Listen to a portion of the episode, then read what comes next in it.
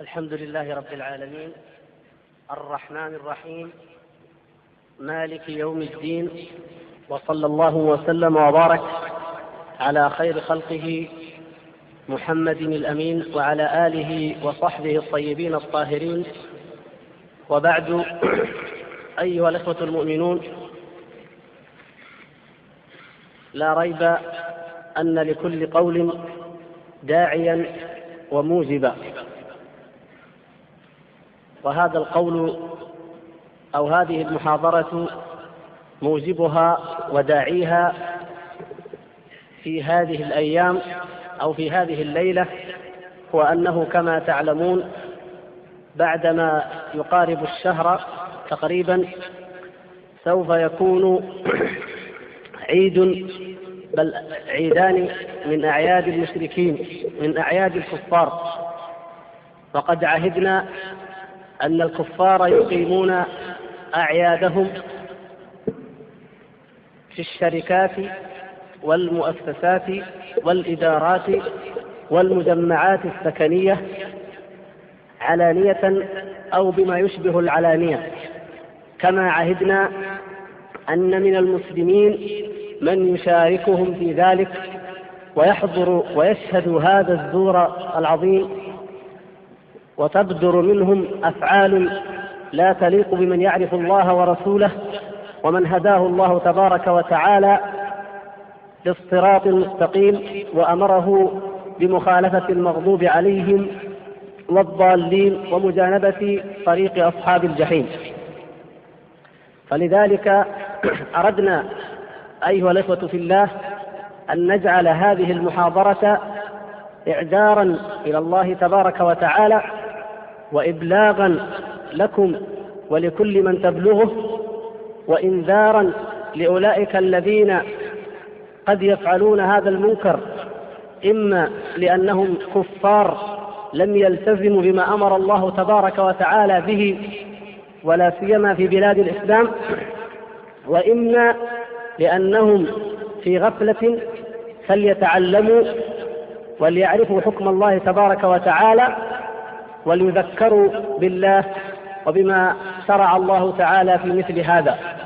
وإما لأنهم معاندون كما قد يبدر من بعض المنتسبين إلى الإسلام فيعاندون ويصرون على إقامة هذا المنكر بين ظهرانينا ففي هذا الكلام قبل أن يأتي ذلك الموسم إنذار لهم بأننا لن نسكت ولن ندع هذا المنكر يمر أبدا. وإذا قمنا بالواجب ونحن ولله الحمد كما في هذا المسجد جمع حاشد وكذلك كل من بلغته هذه الكلمات وبلغه حكم الله تبارك وتعالى إذا قمنا بهذا الواجب فإن ذلك لن يقع أبدا. وليكن في علمهم أن ما مر في كل سنة لن يمر بإذن الله في هذه السنة مهما كان الأمر فإننا لن ندع هذا المنكر أبدا بكل وسيلة مشروعة من وسائل الإنكار سوف ننكر وأنا سأذكر لكم إن شاء الله تعالى بعض هذه الحلول والوسائل في آخر المحاضرة بإذن الله عز وجل. هذا الذي أردناه وأحب أن كل واحد من الإخوة لا يفوته ذلك إن شاء الله تعالى فهذا منكر جلل وخطب عظيم والواجب علينا جميعا أن نقوم في ذلك بقدر الطاقة كل من موقعه وبحسب مسؤوليته والله تعالى سائل كل واحد منا عما علم ولم يعلم ولم يعمل به وعما سمع من دين الله ولم يبلغه.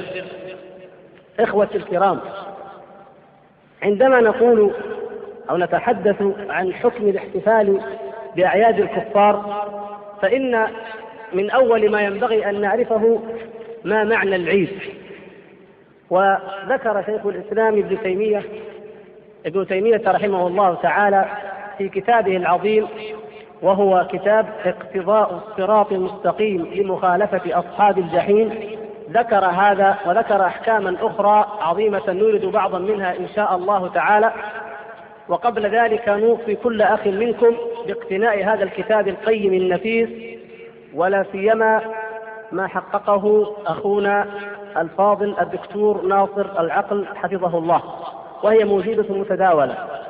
وكذلك تراجعون ما ذكره وسطره الإمام ابن القيم رحمه الله تعالى في كتابه أحكام أهل الذمة.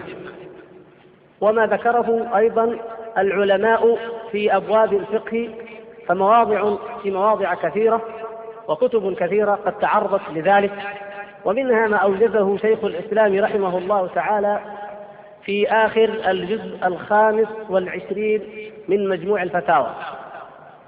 أقول إن شيخ الإسلام رحمه الله عرف العيد فقال العيد اسم جنس يدخل فيه كل يوم أو مكان لهم أي للكفار أو لأي أحد فيه اجتماع لهم فيه اجتماع وكل عمل يحدثونه في هذه الأمكنة والأزمنة. اذا العيد اسم جنس يدخل فيه كل يوم أو كل مكان يجتمع فيه الكفار ويحدثون فيه شيئا من خصائص أو شعائر دينهم. والنهي الوارد عن رسول الله صلى الله عليه وسلم يشمل ذلك كله.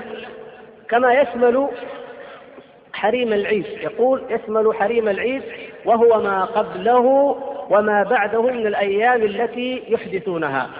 وكذلك يشمل الأمكنة وما حولها كما يشمل المكان الذي يكون فيه العيد فإنه يشمل ما حوله من الأمكنة التي تعد حريما لذلك المكان. وكذلك يشمل العيد أو يشمل النهي عن العيد كل ما يحدث بسبب العيد من أعمال. مثل ماذا مثلا؟ مثل التهنئة أو الهدايا الإهداء أو إطعام الطعام أو أي شيء. إذا العيد يشمل هذه الأمور ويشمل هذه المعاني كلها. ويقول أعياد الكفار كثيرة وهذه حقيقة. ونحن الآن في هذا البلد نرى الكفار كثيرين ومن أديان شتى فلنعلم أنه كما قال رحمه الله أعياد الكفار كثيرة مختلفة وليس على المسلم أن يبحث عنها ولا أن يعرفها بل يكفيه أن يعرف في أي فعل من الأفعال في أي يوم من الأيام في أي مكان من الأمكنة ويجتنب ذلك. فلدينا هنا مثلا أهل الكتاب النصارى خاصة يحتفلون بعيد الميلاد وعيد رأس السنة وكذلك يحتفل البوذيون ويحتفل الهندوس ويحتفل البوذيون وكل أمة لها عيد. لكل إن لكل قوم عيدا كما قال صلى الله عليه وسلم. هذه قاعدة جعلها الله تبارك وتعالى مجبولة عليها الأمم ومفطورة عليها فكل قوم لهم عيد. فالأعياد كثيرة ومختلفة. وعلى المسلم أن يعرف أماكنها إن كانت مكانية أو أزمنتها إن كانت زمانية فيتجنب ذلك ويتجنب ما نهى عنه النبي صلى الله عليه وسلم من أمور سوف نفصلها بأدلتها إن شاء الله تبارك وتعالى. وذكر رحمه الله وهذه مقدمات نقدم بها بين يدي الأدلة قال ما الضابط في في العيد أو في غيره؟ قال يعني ماذا يجب على المؤمن؟ ما الضابط للمسلم في مثل هذا اليوم من أيام العيد؟ ماذا أفعل؟ قال الضابط ألا يحدث فيه أمر أصلا ألا تحدث أي أمر من الأمور في هذا اليوم الذي هو عيد للكفار وإنما تجعله كسائر الأيام كأن شيئا لم يكن وكأنهم لم يحتفلوا وبهذا تكون مخالفتهم. وقد ذهب بعض العلماء إلى أنه تنبغي مخالفتهم أو أخذ من الأوامر بمخالفتهم وسنعرض لها إن شاء الله. قال يجب أن يخالفوا. ومن ذلك أنهم قالوا تصام هذه الأيام أن يصوم المسلم يوم العيد الذي يحتفل به الكفار. فمن نظر إلى أصل المخالفة وأنها مشروعة قال من مخالفتهم أن يكونوا فرحين مبتهجين يأكلون ويشربون ويعربدون ويفعلون ما لا كما هو معلوم ما لا قد يذكر لا يجوز ذكره. قال وهو يكون صائما لله تبارك وتعالى فيكون قد حقق المخالفة. وقال بعض العلماء لا لا يصام يوم من أيام أعيادهم وذلك خشية الوقوع في التعظيم. إذ قد يظن ظان أنه إنما صيم لأنه يوم معظم. فكأن هذا يعظمه بالاحتفال والأكل والشرب وذاك يعظمه بصيامه والتقرب إلى الله فيه. وهذا هو الأظهر. هذا هو الأظهر والأرجح أن المؤمن في هذا اليوم لا يتعمد فعل أي شيء مطلقا. وإنما كل ما كل حياته أو كل أموره تكون كسائر الأيام ويعمل كل عمل كان يعمله في بقية الأيام ولا يعبأ ولا يلتفت إلى هذا. هذا الضابط العام الذي يجب أن تكون عليه حياة المسلمين جميعا والعامة جميعا أن تكون أمورهم وحياتهم عادية تماما. أما يعني الإنكار على أولئك ومنعه وأدلته فهذا ما سوف نفصل فيه إن شاء الله.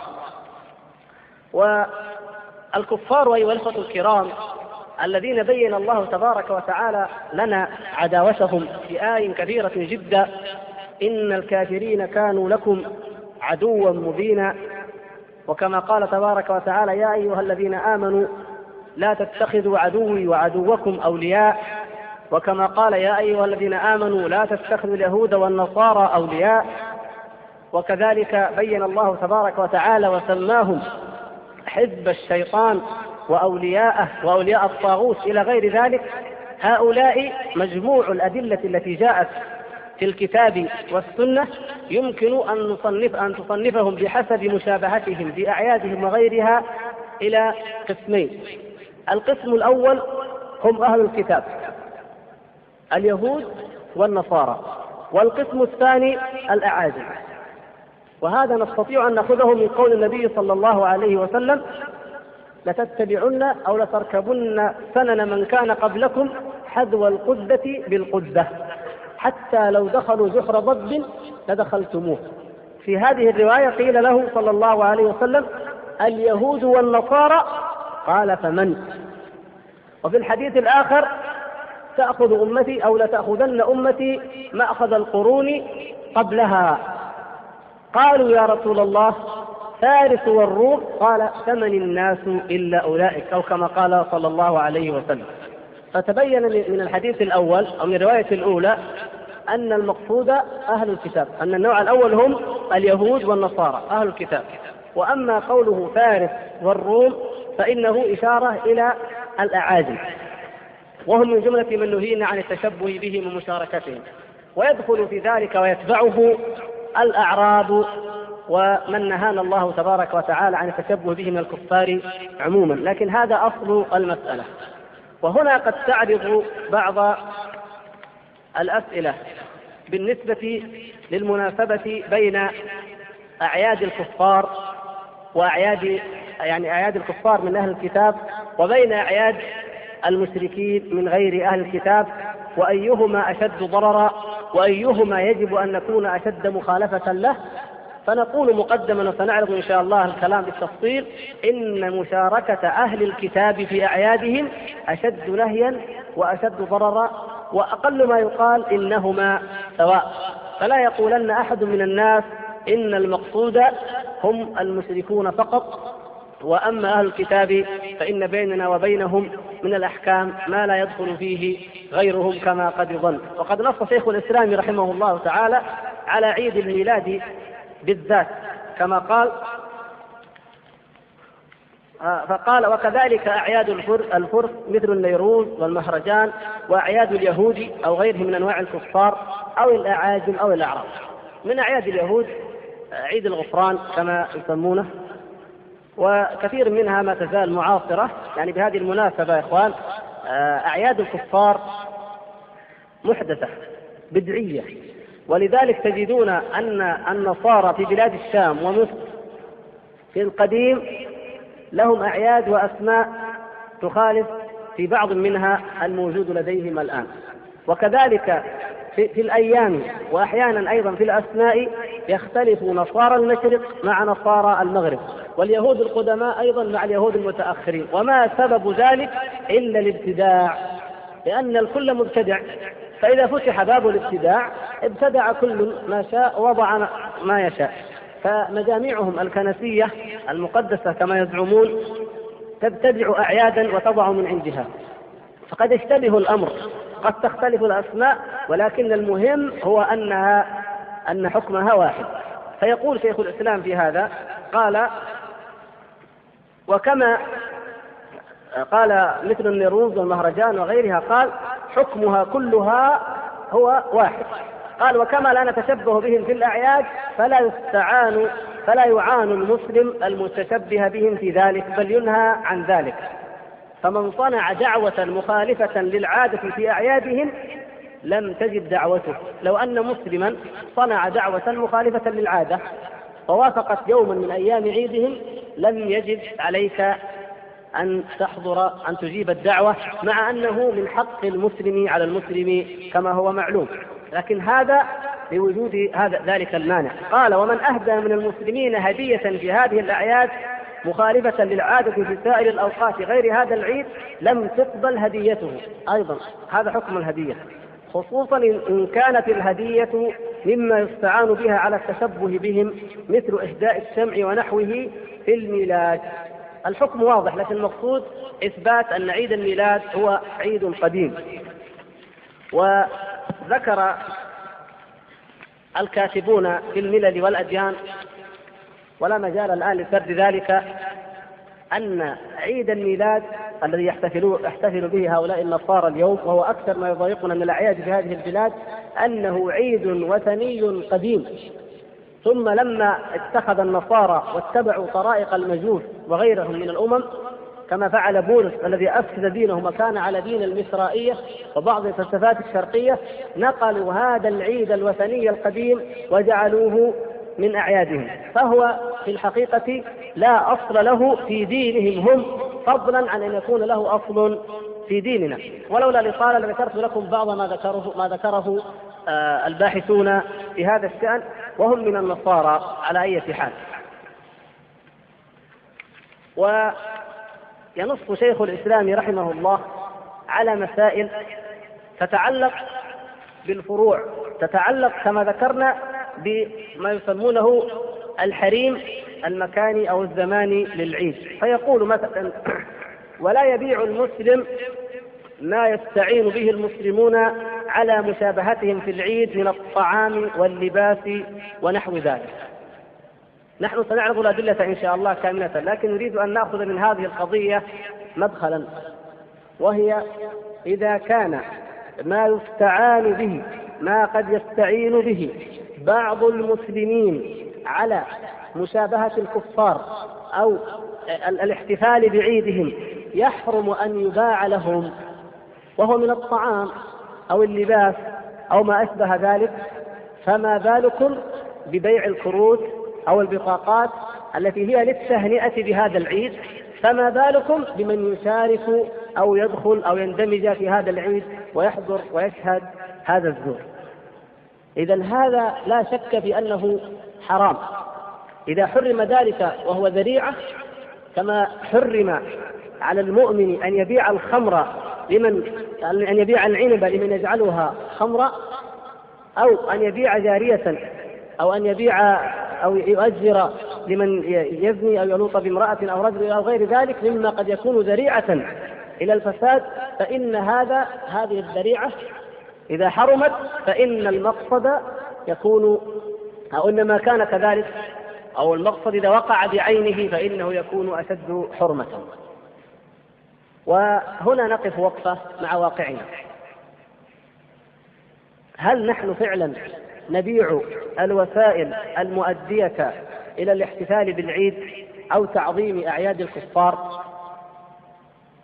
أمر مؤلم أن نقول لكم نعم إن هذا المنكر العظيم منتشر ومتفش في مجتمعنا وهذه مسألة غير مسألة حضور أعيادهم أو الاحتفال بها. من ذلك مثلا أن المكتبات التجارية ولا سيما في الأسواق المركزية وهذا مشاهد هنا في جدة تبيع البطاقات التي يتهاداها أولئك ويهنئ بعضهم بعضا بها. وهذه عشرة نماذج لأنواع البطاقات مشترات من مكتبات متنوعة بالفواتير من مدينة جدة. تركت الأشياء التي فيها صور خليعة مثلا أو نساء لكن كلها يجمعها أنها تشتمل على الصلبان. كلها فيها الصليب. لاحظتم؟ لا يخلو لا يخلو من صليب أو كنيسة. فهذا دليل على أنها فعلا من شعائر دينهم ومع ذلك فإنها تباع في مكتبات المسلمين. وهذا أمر لا يجوز بأي حال من الأحوال وهو من أعظم المنكرات التي يجب إنكارها. إن أردتم الدقة في الإحصائيات لتعلموا كم يرد إلى هذه البلاد وكيف تباع هذه البطاقات وتباع الأشجار التي يسمونها أشجار عيد الميلاد وما أشبه ذلك فنحن ننقل لكم من نشرة إحصائيات التجارة الخارجية وهي نشرة رسمية تصدرها مصلحة الإحصاءات العامة بوزارة المالية كل عام. معروفة ومتداولة وهذا الصنف دائما رقمه 9705 في كل عام تجدون إذا أخذتم الكتاب انظر رقم 9705 تجدون أنه ما يتعلق بالأعياد والمهرجانات وأشجار آه، عيد الميلاد بالذات وما يستخدمه الحواة الحواة السحرة الذين يتعاملون مع الثعابين بالسحر. لكن أهم شيء طبعا أهم سلعة هي ما يتعلق بعيد الميلاد وبأشجاره. في عام 85 طبعا إحنا توقيتنا الرسمي مع الأسف أكثر إداراتنا تقويمها الرسمي بال التقويم الميلادي أو الجريجوري وهذا نوع من المشابهة كالمشابهة في أعيادهم كالمشاركة فيها. كل ما سنذكره إن شاء الله من الأدلة يحرمه فهو داخل فيه استعمال أشهرهم وتقويمهم. لكن هكذا الواقع على أي حال. في عام 85 ميلادية آه، بلغ بلغت قيمة ما استورد مليون وخمسمائة وتسعة وثمانين ألف ومئتين وثلاثة وثلاثين. لاحظوا أن البطاقة قد يكون آه، تباع بأربعة ريالات. أحيانا مثل هذه الكروت قد يباع هذا الكرت مثلا بأربع ريال في جدة بالمفرق. آه، نفرض أنه بالجملة بريالين فرضا يعني. ونفرض أن الرقم مليون معنى أن أن مليون ريال. معنى ذلك أنه كم كم دخل المملكة بطاقات؟ خمسمائة ألف بطاقة. هذا عام كم؟ عام 85 عام 86 ارتفع الرقم إلى مليونين ومئتين وتسعة وتسعين ألف ومئة وسبعة وعشرين ريال. طبعا البطاقات والأشجار هذا يشملها في عام 87 ارتفع الرقم إلى ثلاثة ملايين و 12931 ريال. في عام 89 بلغ مليونين وسبعمائة وثلاثة وستين ألف وثلاثين ريال. و وبلغت قيمة الواردات أيضا في نشرة عام 1990 أي نعم هذه مليون و848 ألف ريال. وعام 91 صدرت النشر الربع الأول. 91 طبعا تذكرون وقت الأزمة يعني بما بالهجري. وقت الأزمة وقدم إلى هذه البلاد جموع غفيرة من الكفار. قد يقاربون المليون إذا ضممنا إلى الجيوش الصحفيين ومن جاء يعني للشجارة وغير ذلك مما له علاقة بالأزمة. فهذه في هذه السنة وفي هذا الربع لم يذكر التصنيف لا وجود له في الكتاب أو الدليل. ربما لأنهم رأوا أن الرقم ضخم مبالغ فيه ففضلوا ألا يذكر أو لسبب الله أعلم ما لا ندري. لكن في في الربع الذي من العام الذي قبله وهو 1990 يبلغ بلغت قيمة الصنف 252202 ريال. بالنسبة لبطاقات التهاني هذه التي تستورد. آه هذه البطاقات ترد من عدة دول. وكما تعلمون آه النصارى من أمم الغرب وكذلك حتى من أمم الشرق يوجد نصارى ويتداولون هذه البطاقات. الولايات المتحدة الأمريكية فقط وحدها موجود بنشرة آه، إحصائيات التجارة لعام 1989 أن البطاقات أن استورد من البطاقات وما يماثلها ما قيمته مليونين وثلاثة آلاف ومئتين واثنى عشر ريال. وفي نشرة عام 1990 بلغت قيمة واردات بطاقات التهاني وما يماثلها أيضا 3 ملايين و321 ألف و680 ريال. أي بزيادة عن العام الذي قبله ما مقداره مليون و318 ألف و468 ريال. ويعزى ذلك إلى كثرة وجود الكفار عند حدوث الأزمة كما تعلمون. في الربع الأول فقط من عام 1991 قيمة الواردات من بطاقات التهاني بلغت 433746 ريال. هذا فقط من الولايات المتحدة الأمريكية. نذكر دولة أخرى وهي ألمانيا بلغت في الربع الأول من السنة ما قيمته 103885 من المؤلم أيضا والمؤسف يا إخوان أن بعض هذه البطاقات يطبع في دول خليجية ويستورد منها ولا حول ولا قوة إلا بالله. فأصبحت آه، أصبح المسلمون يطبعون هذه الكروت وفيها الصلبان ويبيعونها. وأشد ألما من ذلك أننا في هذا البلد الطيب في بلاد التوحيد نشتري وندخل هذه الأعداد وهذه الأرقام وفي ذلك دليل على أنها رائجة دائرة عندنا من غير إنكار. وأنا لا أستبعد أن تكون أيضا بعض المطابع تطبعها هنا في جدة ولا سيما مع قرب الموسم إذا قرب الموسم. ونظرا لهذه الكميات الهائلة ملايين من البطاقات والطباعة كما تعلمون لا تكلف ولا سيما إذا كانت الكمية كبيرة. فبدل أن يستوردها بريالين مثلا أو ما أشبه ذلك يمكن أن لا تكلفه قرشين إذا طبعها ها هنا. فما يطبع ها هنا في الداخل غير داخل في هذه الإحصائيات. ولا حول ولا قوة إلا بالله. وحسبنا الله ونعم الوكيل. ولهذا أردنا أن نبين الحق في هذا الشأن كما ذكرت وأن نوضح بعض الأدلة والأحكام في هذا.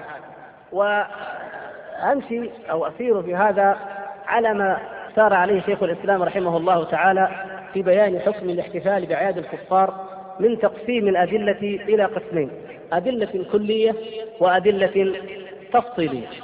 أما الأدلة الكلية في هذا فأول شيء يا إخوان أن الله سبحانه وتعالى نهانا عن موالاة الكفار وعن مشابهتهم فالمسألة تدخل في باب الموالاة ومن هنا فهي إذن جزء من العقيدة.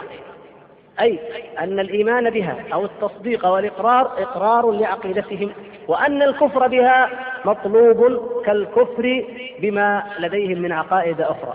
فأولا أن هذا يدخل في الموالاة ويدخل في المشابهة وفي هذا من الأدلة الكثيرة ما لا يحصى. كما بينا في الآيات يا أيها الذين آمنوا لا تتخذوا عدوي وعدوكم أولياء. يا أيها الذين آمنوا لا تتخذوا اليهود والنصارى أولياء. وغير ذلك. فمن اتخاذهم أولياء أو من ولايتهم أن تحضر أعيادهم وأن تكون أعيادا للمسلمين. فتكون أعياد حزب الشيطان وأوليائه أعيادا لأولياء الرحمن وحزب الله تبارك وتعالى. هذا أمر يتنافى مع هذه الأدلة بل يتنافى مع ما طبع الله تبارك وتعالى عليه النفوس من النفور من المخالف. ولا أحد يخالفك أشد ممن يخالفك في دينك. بل انظروا أضرب لكم مثلا من الواقع. انظروا إلى لاعبي الكرة. هل يمكن أن ينزل إلى الميدان فريقان من لاعبي الكرة ويكون لباسهما واحدا وشعرهما واحدا؟ ما يمكن. لماذا؟ لأنهما فريقان متقابلان متصارعان أو متنافسان متباريان. فهل بالدنيا عداوة أشد من عداوة المؤمنين والكافرين من العداوة التي بينهما. وهل من عدوين يجب أن يتباغضا ويتدابرا ويتهاجرا؟ أشد من المؤمنين والكافرين. هل هناك نسبة أو تقارب بين أصحاب الصراط المستقيم وأصحاب المغضوب عليهم والضالين؟ هل هناك تقارب أو تسوية بين من يهدي إلى الجنة وبين من يهدي إلى النار. بين أهل النار وأهل الجنة بين المستقين والفجار لا يمكن أبدا. إذا حتى في نفوس الناس ركز الله تبارك وتعالى هذا وجعله في طباعهم. ولو أن رجلا في دولة تحارب الشيوعية ارتدى شعار الشيوعيين مثلا أو أي شعار لضرب وأوذي. ولا يستطيع أحدنا الآن في أوروبا أو في أمريكا أن يحتفل بعيد من أعياد النازية ولا أن يرتدي شعار النازية ويضعه على صدره ويمشي في الشارع. لماذا؟ لأن النازية في نظرهم عدو لهم. فيا سبحان الله كيف بالعداوة التي هي في الدين وهي التي أمر الله تبارك وتعالى بها وهي أعظم فرقان يجب أن يكون بين المؤمنين وبين الكافرين. فهذا يعني الطريق أو المأخذ الأول من الأدلة الكلية. المأخذ الثاني من الأدلة الكلية هي أن هذه الأعياد من البدع والمشاركة فيها من البدع. فالنبي صلى الله عليه وسلم وأصحابه من بعده والمسلمون جميعا كما سنذكر إن شاء الله في العصور المفضلة لم يحضروا ابدا ولم يشاركوا بأي شكل من الأشكال في هذه البدع المحدثة. بل قال صلى الله عليه وسلم من عمل عملا ليس عليه أمرنا فهو رد. فهذه بدع عظمى وفيها مع المشابهة والموالاة أنها محدثة. فلو أحدث بعض المنتسبين إلى الإسلام أو بعض المسلمين كشيعة أو خوارج أو أو صوفية لو أحدثوا عيدا فما الواجب علينا أن نحضره؟ لا يجوز لنا حضوره لا يجوز حضوره ولو كان الذين ابتدعوه من أهل الإسلام. فما بالكم بحضور أعياد الكفار؟ فهو أشد بدعة والنهي فيه أشد وأغلظ إذا هذان المأخذان هما المأخذان الكليان الأساسيان وتح وكل واحد منهما له من الأدلة التفصيلية. الشيء الكثير الذي لا يتسع المقام الآن بأن نذكره وإنما نقتصر على التنبيه إليه ثم نشرع بعد ذلك في الأدلة التفصيلية إن شاء الله تعالى.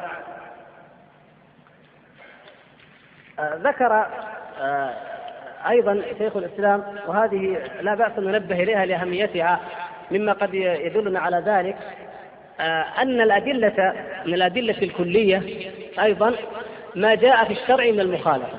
ولو كان في أمور نحن نفعلها وهي من ديننا. مثلا نحن من ديننا الصلاة والحمد لله فنحن نصلي لله تبارك وتعالى ولا نصلي ولا نسجد لغيره أبدا والحمد لله. ومع ذلك فإن رسول الله صلى الله عليه وسلم نهى كما في الحديث الصحيح حديث عمرو بن عبد نهى عن الصلاة عند طلوع الشمس وعند غروبها وعلل ذلك بعلتين الأولى أنها تطلع بين قرني شيطان والثانية أنه ماذا؟ أيوة أنه يسجد لها الكفار حينئذ انظروا فلما كان الكفار يسجدون لها حينئذ ونحن نسجد لمن؟ لله تعالى. لكن لما كانت لما كان الزمن قد يتوافق فنوافقهم في زمن عبادتهم مع أن معبودنا غير معبودهم نهينا أن نعبد ربنا تبارك وتعالى في هذا الظهر وفي هذا دليل على أن ما عدا ذلك فهو أشد مخالفة وأشد نهيا وزجرا. وأدلة كثيرة أخرى في, في المخالفة. آه، أمرنا مثلا أن نعجل الإفطار في رمضان لأن تأخيره من شأن ومن ديدن أهل الكتاب. وقد يقول قائل أنا مسلم وصمت لله تبارك وتعالى فما لي وما لمن صام لغير الله فإن لا حرج علي أن أؤخر الإفطار. فنقول له لا حتى هذا نهانا النبي صلى الله عليه وسلم عنه منعا للتشبه به. إذا فكيف بمن يشاركهم في شعيرة من شعائر دينهم وفي عمل من أعمالهم؟ لا ريب أن ذلك حرام. وكذلك الأدلة العامة في مخالفة المجوس وكما في الأمر مثلا بإعفاء اللحية وإحفاء الشارب وغير ذلك مما علله النبي صلى الله عليه وسلم أو صدره بقوله خالف المشركين خالف المجوس أو خالف اليهود وغير ذلك. فهذه الأدلة كلها تدل على أن أنه حتى في الأمور التي هي من جنس ديننا وعباداتنا أو من جنس العادات التي قد يفعلها بعض الناس حرم علينا ديننا أن نشابههم فيها بل جعلت مخالفتهم أصلا من أصول ديننا. فيتصدر الأمر بقوله خالفوا خالفوا. إذا يكون ذلك قاعدة وهي أن الأصل فيك أن تخالف. وفي ذلك أيضا أدلة كثيرة لا يتسع المقام لها. آه، الأدلة التفصيلية أولا من كتاب الله تبارك وتعالى وصف الله تبارك وتعالى المؤمنين عباد الرحمن في آخر سورة الفرقان فقال من جملة الآيات والذين لا يشهدون الزور وإذا مروا باللغو مروا كراما. نقل العلماء والمفسرون كما في الدر المنثور وغيره أن عن بعض التابعين عن مجاهد وعن الضحاك وعن عكرمة وغيرهم أن ذلك أعياد المشركين. أي لا يحضرون أعياد المشركين. وهذا ما نصوا عليه بالنص. ولا ولا ريب أنه لا يقتصر عليه. لكن المقصود أن الشهود أصح القولين في الشهود هو الحضور. كما نقول من شهد الجنازة أو من شهد يوم عرفة إلى غير ذلك. فالشهود يقول هو الحضور. فالذين لا يشهدون الزور جعل العلماء هذا النموذج أو من فسرها بذلك جعله نموذجا للزور الواضح الذي لا شك فيه وهو أن المؤمن يشهد ويحضر أعيادهم وأماكن لهوهم أو لعبهم كما صرح بذلك كثير منهم. أما من آه، السنة فالأحاديث بذلك كثيرة. منها حديث أنس رضي الله تعالى عنه قال قدم رسول الله صلى الله عليه وسلم المدينة ولهم يومان يلعبون فيهما. كعادة الأمم الروم الفرس كل أمة لها أعياد. فكان للعرب في الجاهلية يومان يلعب فيهما أهل المدينة. فقال صلى الله عليه وسلم ما هذان اليومان؟ قالوا كنا نلعب فيهما في الجاهلية. فقال رسول الله صلى الله عليه وسلم إن الله قد أبدلكم بهما خيرا منهما يوم الأضحى ويوم الفطر. وهذا حديث رواه أبو داود وقال شيخ الإسلام إن إسناده على شرط مسلم. ومن وجه الدلالة في هذا أن العيدين الجاهليين لم يقرهما الرسول صلى الله عليه وسلم. بل لم يت ولا تركهم يلعبون فيهما على حسب العادة. بل نص على ماذا؟ على البديل. قال إن الله قد أبدلكم خيرا منه. فهل يجتمع المبدل والمبدل منه؟ هل يجتمع البديل والمبدل منه؟ لا يجتمعان أبدا. إذا فلا بد أن نضع هذا مكان هذا. ولا يمكن أن نحتفل بأي يوم يحتفل به المشركون أبدا. يعني وجه الدلالة في هذا واضحة وظاهرة إن شاء الله تعالى. ويعلق شيخ الإسلام رحمه الله في الاقتضاء على هذا فيقول آه، أيضا فإن بينك اليومين الجاهليين قد ماتا في الإسلام فلم يبق لهما أثر على عهد رسول الله صلى الله عليه وسلم ولا عهد خلفائه ولو لم يكن قد نهى الناس عن اللعب فيهما ونحو ونحوه مما كانوا يفعلونه لكانوا قد بقوا على العادة. يعني هنا شيخ الإسلام رحمه الله يستدل بالواقع. لا لا وجود ابدا لا في أيام النبي صلى الله عليه وسلم ولا في أيام أبي بكر ولا عمر ولا عثمان لا وجود لهذين العيدين. بل أكثر المسلمين لا يعلمون أو لم يكونوا يعلمون متى كان موعد هذين العيدين. وهذا دليل على ماذا؟ دليل على استئصال الشرع لهما استئصالا نهائيا. حتى لم يبق لهما من ذكر ولا أثر. فالنهي يكون فيهما من أشد أنواع النهي ومن أشد أنواع التغليظ ولا سيما كما ذكر رحمه الله مع تشوف النفوس إلى العيد وإلى الفرح وخاصة كما ذكر من النساء والأطفال والفارغين. الفارغين من الناس وهو صادق. ما أكثر الفارغين اليوم يا أخوان؟ الفارغين من الناس يحبون الأعياد. يتمنون أن في كل شهر حفلات وأعياد وعطل والنساء كذلك يريدن الزينة والبهرجة وكذا والأطفال فمع قوة الداعي لبقاء هذين اليومين في نفوس الناس استؤصلا واجتثا حتى لم يبق لهما من أثر. فهذا دليل على قوة المعارض وقوة المانع وهو حرصه صلى الله عليه وسلم وحرص أصحابه ومعرفتهم بأن هذا لا يجوز أبدا. بخلاف بعض الأمور التي بقي لها أثر.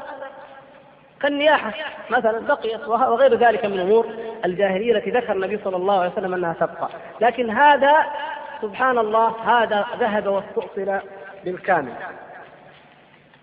وهنا يجيب شيخ الإسلام رحمه الله يقول والمحذور في أعياد أهل الكتابين التي نقرهم عليها أشد من المحذور في أعياد الجاهلية. يعني يجي واحد يقول طيب هذه أعياد الجاهلية قد استؤصلت.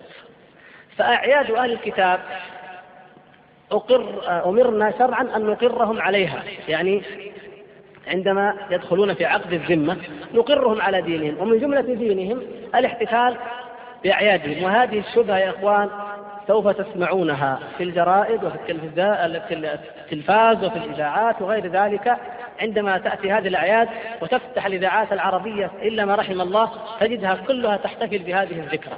فمن جملة ما يأتي من يتفلسف ويبرر يقول إن هذه الأعياد أقرت. من جملة دينهم الذي أقر وإن الإسلام يحترم أهل الكتاب وما نحو ذلك. شيخ الإسلام رحمه الله يرد على هذا ردا قويا وأنا أقرأ لكم نصه. قال المحذور في أعياد أهل الكتابين التي نقرهم عليها أشد من المحذور في أعياد الجاهلية التي لا نقرهم عليها. فإن الأمة قد حذروا من مشابهة اليهود والنصارى وأخبروا أنه سيفعل قوم منهم هذا المحذور. بخلاف دين الجاهلية فإنه لا يعود إلا في آخر الدهر عند اخترام أنفس المؤمنين عموما. عندما تقرب الساعة وتدنو يلتحق فئام من أمتي كما قال صلى الله عليه وسلم بالمشركين وتضطرب إليات النساء دوس على ذي الخلطة وما أشبه ذلك من الأدلة. قال هذا عند نهاية الزمان. أما أن تعود الجاهلية تلك التي كانت قبل قدومه صلى الله عليه وسلم المدينة بأعيادها لا تعود أبدا. فالنهي عن الشيء المتكرر والواقع والفتنة به أشد بلا ريب. فقال ولو لم يكن أشد منه فإنه مثله. أقل ما يقال إن أعياد أهل الكتاب هي مثل أعياد الجاهليين إذ الشر الذي له فاعل موجود يخاف على الناس منه أكثر من شر لا مقتضي له قوي. لاحظتم كيف وجه الاستدلال؟ الشر الذي له أهل ويقومون به هذا المقتضي والدافع له أقوى من غيره. طيب ألم يزد في زمننا هذا دافع آخر لهذا الشر يا إخوان؟ زاد دافع عظيم جدا من أهم الدوافع على المشابهة وهو أن الكفار ظاهرون غالبون ممكنون استدراجا من الله تبارك وتعالى لهم ولا لا يغرنا ذلك. وهم متحضرون متطورون تقتدي بهم هؤلاء الكفار الغربيون تقتدي بهم أمم العالم جميعا ومنها أكثر المسلمين مع الأسف الشديد. فهذه تضاف إلى تلك. يعني إذا كان شيخ الإسلام رحمه الله تحدث عنهم وهم في زمنه أهل ذلة وصغار مضروبة عليهم الجزية. وهم في بلاد الشام طبعا. أما في هذه الجزيرة فقد حماها الله وطهرها. لا يجتمع فيها دينان أصلا ولا يجوز أن يقروا فيها أصلا. لكن هنالك من أهل الذمة مضروب عليهم الذل والصغار ويقول الداعي أشد لوجودهم ويذكر أن النساء والأطفال في عدة مواضع من كتابه وفي الفتاوى أن النساء والأطفال والجهال والفارغون والفارغين يشاركونهم ويفرحون بأعيادهم فما بالكم في هذا الزمان الذي زاد فيه هذا الداعي وهذا الدافع؟ إذا يجب أن يكون الإنكار أشد وأكثر وإلا كان من المحظور ما لا تحمد عاقبته الذي قد يؤدي إلى الكفر. نسأل الله العفو والعافية على ما سنذكر في الأدلة الأخرى. الحديث الثاني حديث ثابت. ابن الضحاك قال كلكم تحفظون هذا الحديث. نذر رجل على عهد رسول الله صلى الله عليه وسلم أن ينحر إبلا ببوانة. لأن هذا في في كتاب التوحيد. الشيخ محمد عبد الوهاب رحمه الله جعله في كتاب التوحيد باب لا يذبح لله في مكان يذبح فيه لغير الله. الحمد لله. إذا معروف عندكم. فقال النبي صلى الله عليه وسلم له هل كان فيها وثن من أوثان الجاهلية؟ قال لا.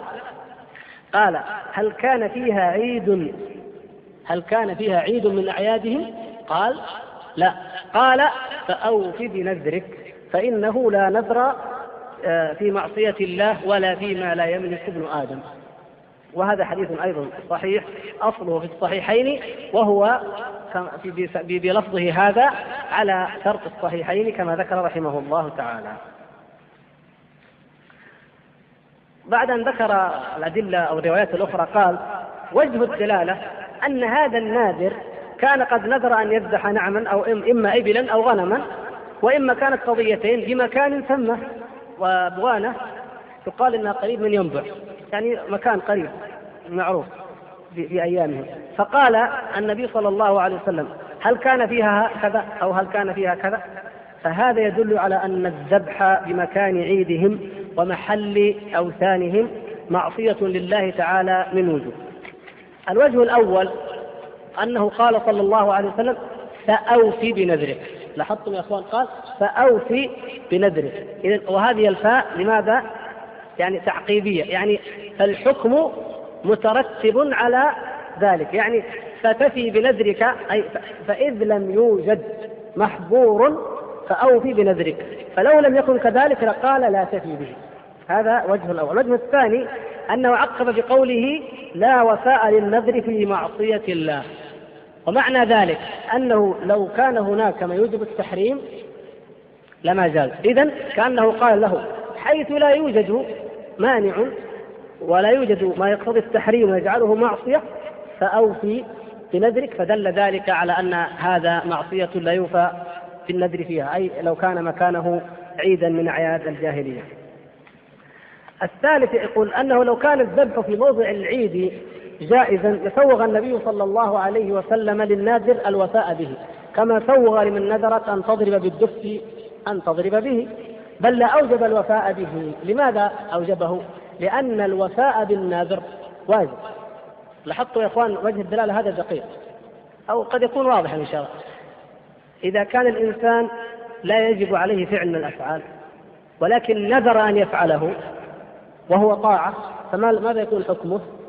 يجب عليه. طبعا النهي عن النذر معروف لأنه يستخرج به من مال البخيل. لكن لو نذر وجب عليه أن يفي بنذره. فإذا كان الوفاء بالنذر أشد وجوبا أشد حكما لأن حكمه الوجوب ولا والآخر حكم الإباحة من الشيء الذي هو في الأصل مباح. فإذا المقتضي والداعي لأن يفعله الرجل في هذا المكان أشد واضح. وظاهر. فلما جاء النبي صلى الله عليه وسلم بمانع يمنع هذا الوجوب الواضح الظاهر القوي دل ذلك على قوة هذا المانع. فإنه لو وجد لما جاز له أن يفعل. إذا وجود عيد من أعياد الجاهلية في هذا المكان مانع قوي يجعلك لا تفعل ولو نذرت. فكيف أن يتطوع أحد ويذهب إلى بقعة من البقاع التي فيها أعياد المشركين؟ هذا يكون بلا ريب حراما والحديث يدل على ذلك أشد مما يدل على دلالته في عدم الوفاء. بالنذر.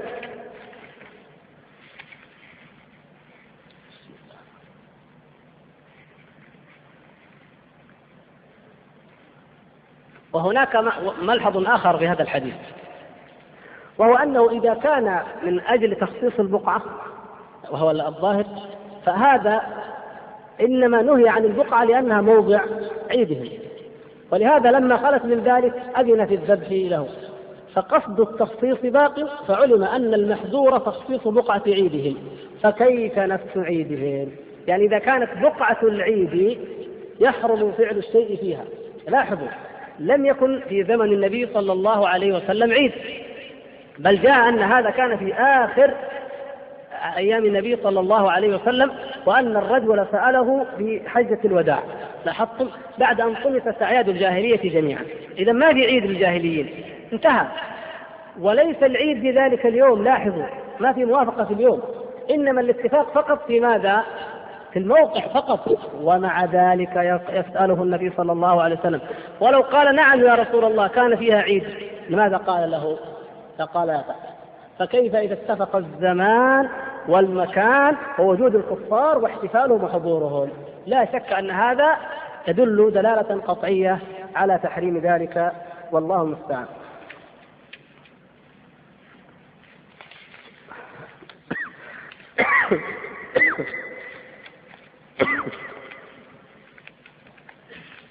ثم أعاد رحمه الله الكرة وهذا مهم جدا في أن أعياد الكتابيين أشد. يعني إذا كان هذا الزجر والنهي كما في هذا الحديث عن أعياد الجاهليين كالكتابيين اليهود والنصارى النهي في ذلك أشد.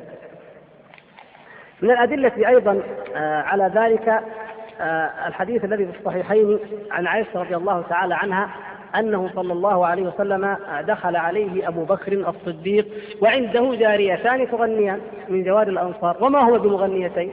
يعني ما هما مطربتين إنما جاريتين صغيرتين تغنيان عند رسول الله صلى الله عليه وسلم.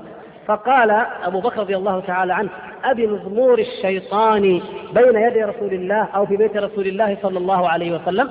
فقال رسول الله صلى الله عليه وسلم يا أبا بكر دعهما فإن لكل قوم عيدا وهذا عيدنا. لاحظتم؟ لكل قوم عيد وهذا عيد طيب ماذا نأخذ من هذا من هذا الحديث؟ أولا إن قوله إن لكل قوم عيدا وهذا عيدنا يوجب اختصاص كل قوم بعيدهم لكل قوم عيد يختصون به عن سواهم وإلا كانت الأيام مشتركة والأعياد مشتركة فهذا كما في قوله تعالى لكل جعلنا منكم شرعة ومنهاجا فشريعتنا غير شريعتهم قبلتنا غير قبلتهم عبادتنا غير عبادتهم صلاتنا غير صلاتهم صيامنا غير صيامهم فكذلك عيدنا غير عيدهم. فلا هم يتبعون قبلتنا وعبادتنا وصيامنا ولا نحن نتبع قبلتهم وعبادتهم وصيامهم ولا كذلك أعيادهم. إذا لكل قوم لكل أمة لكل نحلة عيد ونحن هذا عيدنا. فلا يشاركوننا فيه ولا نحن نشاركهم أيضا في أعيادهم. وقوله صلى الله عليه وسلم وهذا عيدنا هذا عيدنا يدل على الاختصاص. أي لا عيد لنا سواه. وليس المقصود فقط ذلك اليوم وإنما هما يومان كما تعلمون. أي هذا من الجنس يعني لا عيد لنا إلا هذا المشروع. وهما يومان فقط. فدل ذلك على أنه لا عيد لنا سوى ذلك. لنا يعني حتى لو نحن أردنا أن نجعل لنا عيدا العيد الوطني عيد التحرير. عيد الاستقلال. أي عيد نحن نجعله لنا ولا نشابه في أحد من الكفار لما جاز ذلك لنا أبدا. فكيف إذا كنا نفعل عيدا هو من أعياد الكفار ونعمل شعائر ونقيم شعائر هي من شعائر الكفار. لا شك أن ذلك يكون أشد وأعظم حرمة. آه ويقول رحمه الله إن تعليل الإباحة للجواري بأن ذلك آه في يوم العيد أو في يوم عيدنا كأنه أو فيه دلالة على أن اللعب في هذا اليوم خاص بنا. يعني هذا اللهو وهذا اللعب خاص بنا ولا يتعدى إلى أعياد الكفار. فإذا لا يرخص باللعب في أعياد الكفار. يعني هما تلعبان أو هما تضربان لأنهما في عيدنا. فلو كان في عيد غيرنا لما أذن لهما. لاحظتم كيف؟ هذه كلها يعني من الأدلة التي لا تخفى إن شاء الله على مثل.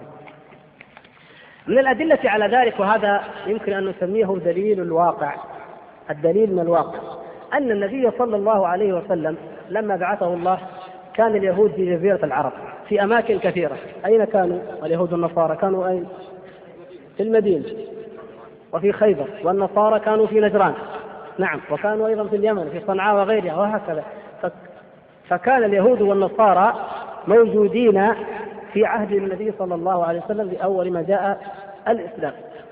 وكذلك كان الفرس وديانة المجوس في البحرين يعني في شرق جزيرة العرب ونحو ذلك. إذا كانوا موجودين ومع ذلك من تأمل ونظر في سيرة النبي صلى الله عليه وسلم علم علما يقينا قطعيا يقينيا قطعيا أنهم لم يكون لم يكن أنه لم يكن المسلمون يشاركونهم في أي عيد من أعيادهم. ابدا. ولم لم يقع ذلك لا من أحد من الصحابة ولا من التابعين. بل حتى لو تتبعنا السير لا نجد أن نساء المؤمنين أو أطفال المؤمنين شاركوا أولئك في أعيادهم. هذا دليل عظيم يا إخوان. لماذا؟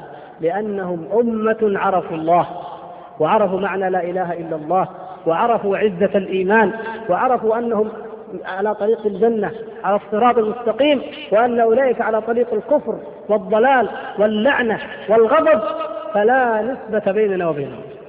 لا يمكن أن نقاربهم أو ندنيهم في شيء من شعائر دينهم. مع أننا في أمور الدنيا ثابت أن المبايعة كانت موجودة بين المسلمين وبين اليهود وأن المخالطة في في الأسواق وفي البلاد والسكنى والمجاورة وكثير من الأحكام بل حتى السلام رد السلام كان موجودا بينهم والتعارف كثير من الأمور كانت موجودة. وبعضها نسخ وبعضها لم ينسخ مثلا نسخ بقاؤهم ونسخت المقصود أن وجودهم كان حاضرا بين بين المسلمين ولم يثبت أبدا أي مشاركة في أعيادهم. فهذا دليل على أن الصحابة رضي الله تعالى عنهم علموا وأيقنوا أن أعيادهم جزء من عقيدتهم.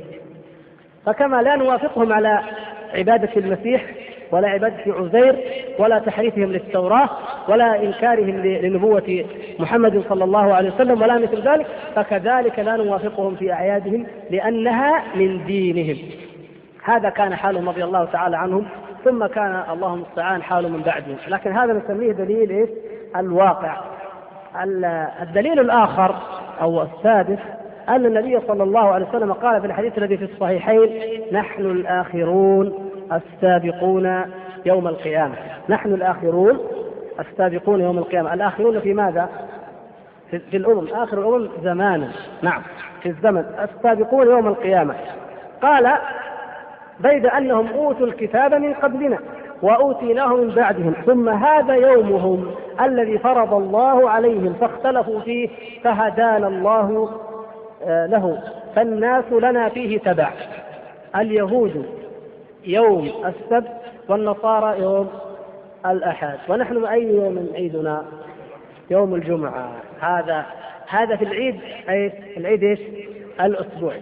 إذا انظروا يا إخوان قيسوا العيد الحولي على العيد الأسبوعي. العيد الأسبوعي الذي يتكرر كثيرا وهو قريب من أيامهم ومع ذلك اختصنا الله تبارك وتعالى بعيد أسبوعي نخالفهم به وفضلنا به وجعل ذلك أحد العلامات التي تدل على أننا نخالفهم وأننا نبذ وأن الله تعالى هدانا وأضلهم وأرانا الصراط المستقيم وأغواهم عنه فنحن لنا الجمعة وهم لهم اليومان المعروفان للجميع. إذا هذا دليل على أن كما يقول شيخ الإسلام رحمه الله يقول فإذا كان هذا في العيد الأسبوعي فكذلك في العيد الحولي. إذ لا فرق بل إذا كان هذا في عيد يعرف بالحساب العربي فكيف بأعياد الكافرين العجمية التي لا تعرف إلا بالحساب الرومي القبطي أو الفارسي أو العبري ونحو ذلك. يعني آه هذا ملحظ آخر إن شاء الله لا يفوتكم أن ما كان من الأعياد بالتقويم العربي أو الهجري وهو وهكذا كانت العرب يعني على الهلال.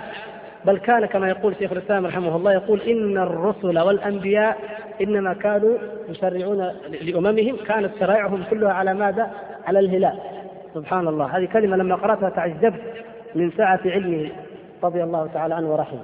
يقول الأنبياء شرائعهم على إذا في اي أي من الأنبياء يقول شهر أو يقول سنة أو يتحدث فإنما الشهور الهلالية.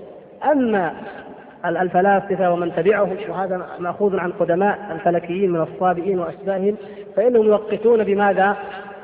بالشهور الشمسية فيقول نحن منهيون عن أن نتخذ هذا التقويم وما كان من شهورهم ما كان من شهورهم فهو أشد حرمة مما كان من شهورنا لأن فيه الإضافة إلى إلى المشابهة فيه زيادة اختصاص لهم ليس من شرائع الأنبياء ابدا أن يوقفوا بهذا.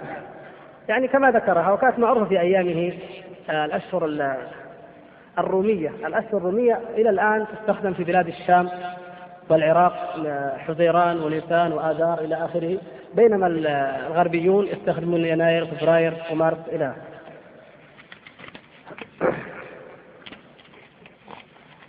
هناك دليل عظيم جدا وهو من أعظم الأدلة دليل الإجماع ولا نحتاج أن نطيل فيه. الإجماع كما ذكرنا لم يعهد ولم يؤثر عن أحد من الصحابة ولا من التابعين ولا من سلف الأمة ولا فقهائهم أنه حضر عيدا من أعيادهم أو أقره على الإطلاق. ولذلك ننتقل عنه إلى بعض ما ورد من آثار عن الصحابة وعن التابعين رضي الله تعالى عنهم بذلك ولا سيما الصحابة. عمر رضي الله تعالى عنه له في هذا مواقف عظيمة أعظمها وأشهرها الشروط العمرية التي فرضها على أهل الكتاب فأصبحت ولله الحمد سنة متبعة أجمع الفقهاء عليها. وإن اختلفوا الفقهاء قد يختلفون في بعض التفاصيل لكن من حيث الأصل العام اتخذ الفقهاء الشروط العمرية دليلا ومنهاجا لهم في معاملة أهل الذمة وهذا من سنن الخلفاء الراشدين التي أمرنا وأمرت الأمة أن تتبعها وأن تأخذها فمن مما اشترطه عمر رضي الله تعالى عليه آه، رضي الله تعالى عنه عليهم ألا يظهروا شيئا من شعائر دينهم من أعيادهم ألا يظهروا شيئا من أعيادهم أين هذا؟ في أي البلاد؟ في بلاد الشام حيث أهل الذمة جزيرة العرب ما حكمها؟ ننبه مرارا لا يجوز أصلا أن يدخلوا فيها لا يجوز دخولهم فيها فضلا عن أنهم يعلنون فيها شعائر دينهم أو أعيادهم. فعمر رضي الله تعالى عنه مع ما ضرب عليهم بأمر الله وتنفيذا له من الذل والصغار والجزية وكل ذلك ومع ذلك اشترط عليهم شرطا واضحا صريحا ألا يعلنوا بأعيادهم في دار الإسلام ولا بين المسلمين. فهي من جملة دينهم يتخصون به في بيعهم أو كنائسهم وما أشبه ذلك. روى البيهقي أيضا كما ذكر رحمه الله شيخ الإسلام أنه بإسناد صحيح أن عمر رضي الله تعالى عنه قال لا تعلموا رطانة الأعاجم. هذا موضوع مهم ويحتاج محاضرة مستقلة لبيان الأحكام فيه بالتفصيل لكن المهم هو ما كان تعلم الرطانة عنده لغة. يعني صار يعني في الجرائد آه، يفضل من لديه إلمام ولو بسيط باللغة. أي إلمام؟ الإلمام البسيط هذا لا ينفع ولا يمكن يستخدم بس المهم عنده لغة. تقول واحد يا أخي بلاد الكفار حرام ولا يجوز أن تذهب إليها إلا لضرورة. قال لو ما كان إلا لغة استفاد لغة ما فائدة اللغة. آه، إن لم تكن لمصلحة شرعية يا إخوان فهي من جملة المشابهة. وتورث محبتهم بلا ريب. وهذا له تفصيل آخر. لكن المقصود أن عمر رضي الله تعالى عنه نهى عن أمرين عن رطانتهم وعن الدخول في كنائسهم يوم عيدهم فإن السخطة تنزل عليهم ينزل سخط الله تبارك وتعالى عليهم في يوم عيدهم في كنائسهم. طيب هذا النهي يعني آه ما المقصود فيه؟ المقصود ما نسميه الآن الفرجة. يعني واحد قال اليوم عيد النصارى خلينا نروح الكنيسة نتفرج نشوف إيش يسوي هذا الذي قصد عمر رضي الله تعالى عنه. أما أن يشاركهم المسلم في أعيادهم وأن يهنئهم بها فهذا من دينهم.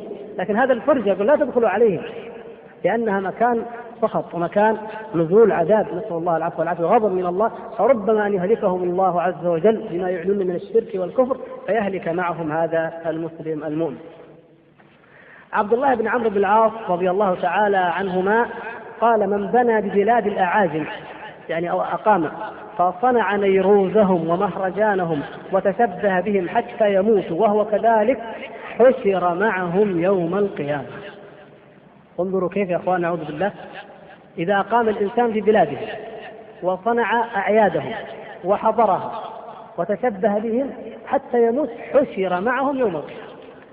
ولهذا يعقب يعني شيخ الإسلام رحمه الله بأن هذا يحتمل أنه يقصد أنه يكفر قال وإلا إن لم يكن يكفر من يفعل ذلك فلا فلا شك أنه دليل على أن عبد الله بن عمرو رضي الله تعالى عنهما يرى ذلك من الكبائر المحرمة. وكل واحدة من هذه الأمور منكر برأسه وليس المقصود اجتماع هذه المنكرات جميعا حتى يكون كذلك لا. كل واحد منكر الإقامة عندهم من غير حاجة أو ضرورة منكر. وحضور النيروز منكر. المشاركة في أمور التشبه كل ذلك منكر على انفراد. نسأل الله العفو والعافية. علي رضي الله تعالى عنه وكان كما تعلمون قد أقام هنالك في العراق وهم مجاورون للفرس فجاءه رجل وقال يا أمير المؤمنين هذه هدية. قال ما هذه الهدية؟ قال هذا يوم النيروز.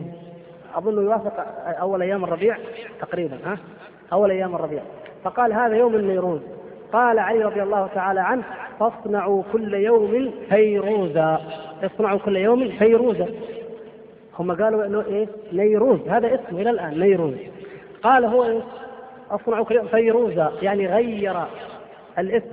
لم يرضى أن يشاركهم حتى في الاسم. غير الاسم. وقال اصنعوا كل يوم. لماذا؟ حتى تنتهي المشابهة. يعني هم يتهادون الهدايا في يوم معين. نحن كل يوم نصنع هذا الطعام يعني فاكهة ورياحين معينة تقدم تسمى ويقال هذا عيد النيروز قال اصنعوا كل يوم فيروزة كل يوم جيب لك ريحان جيب لك كذا ما استطعت.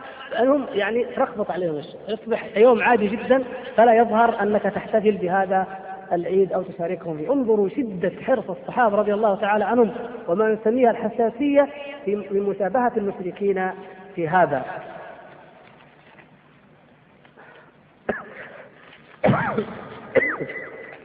طيب قد يضيق الوقت عن نقل كلام الفقهاء.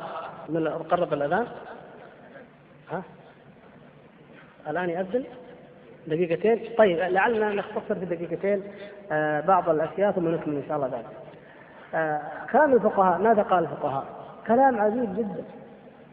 كل الفقهاء مجمعون على تحريم مشابهة هؤلاء الكفار وحضور أعيادهم ومشاركتهم فيها.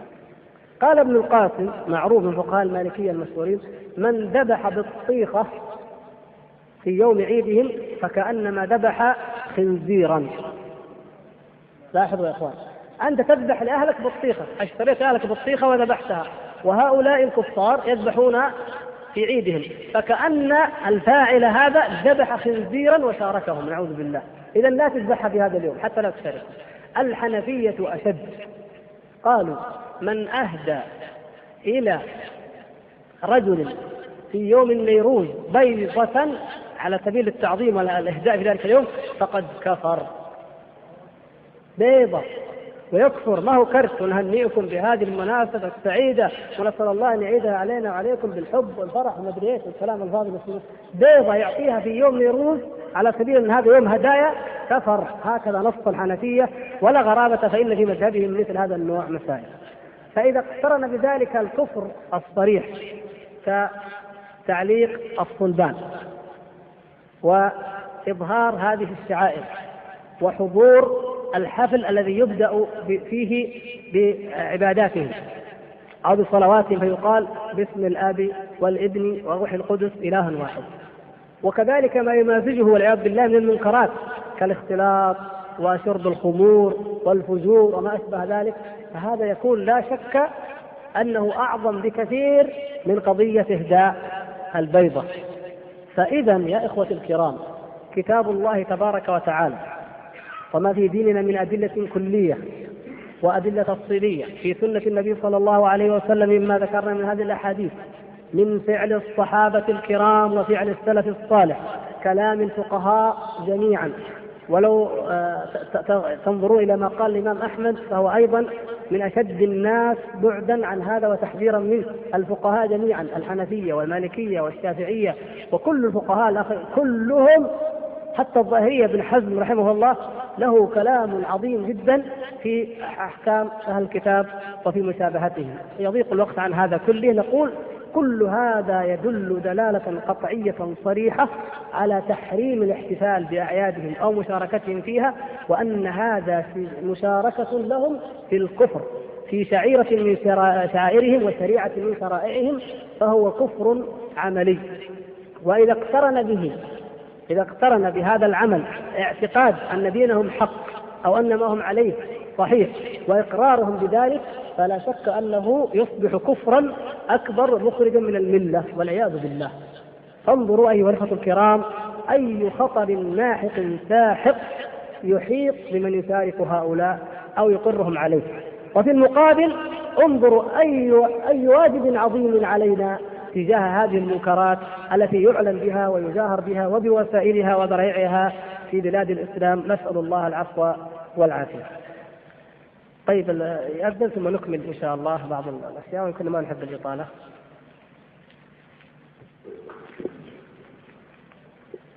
آه، حقيقة لا نريد الإطالة أيها الإخوان بل آه، يعني نأسف لأنه هناك كثير من الأدلة آه، لم نذكرها وإن كانت تدخل فيما سماه شيخ الإسلام الاعتبار يعني النظر العقلي السليم الذي به تحرم مشابهة الكفار وموالاتهم ومشاركتهم في أعيادهم وهي عظيمة مفيدة. فليراجعها الإخوة الكرام وكلكم الحمد لله طلاب علم في كتاب الاقتضاء.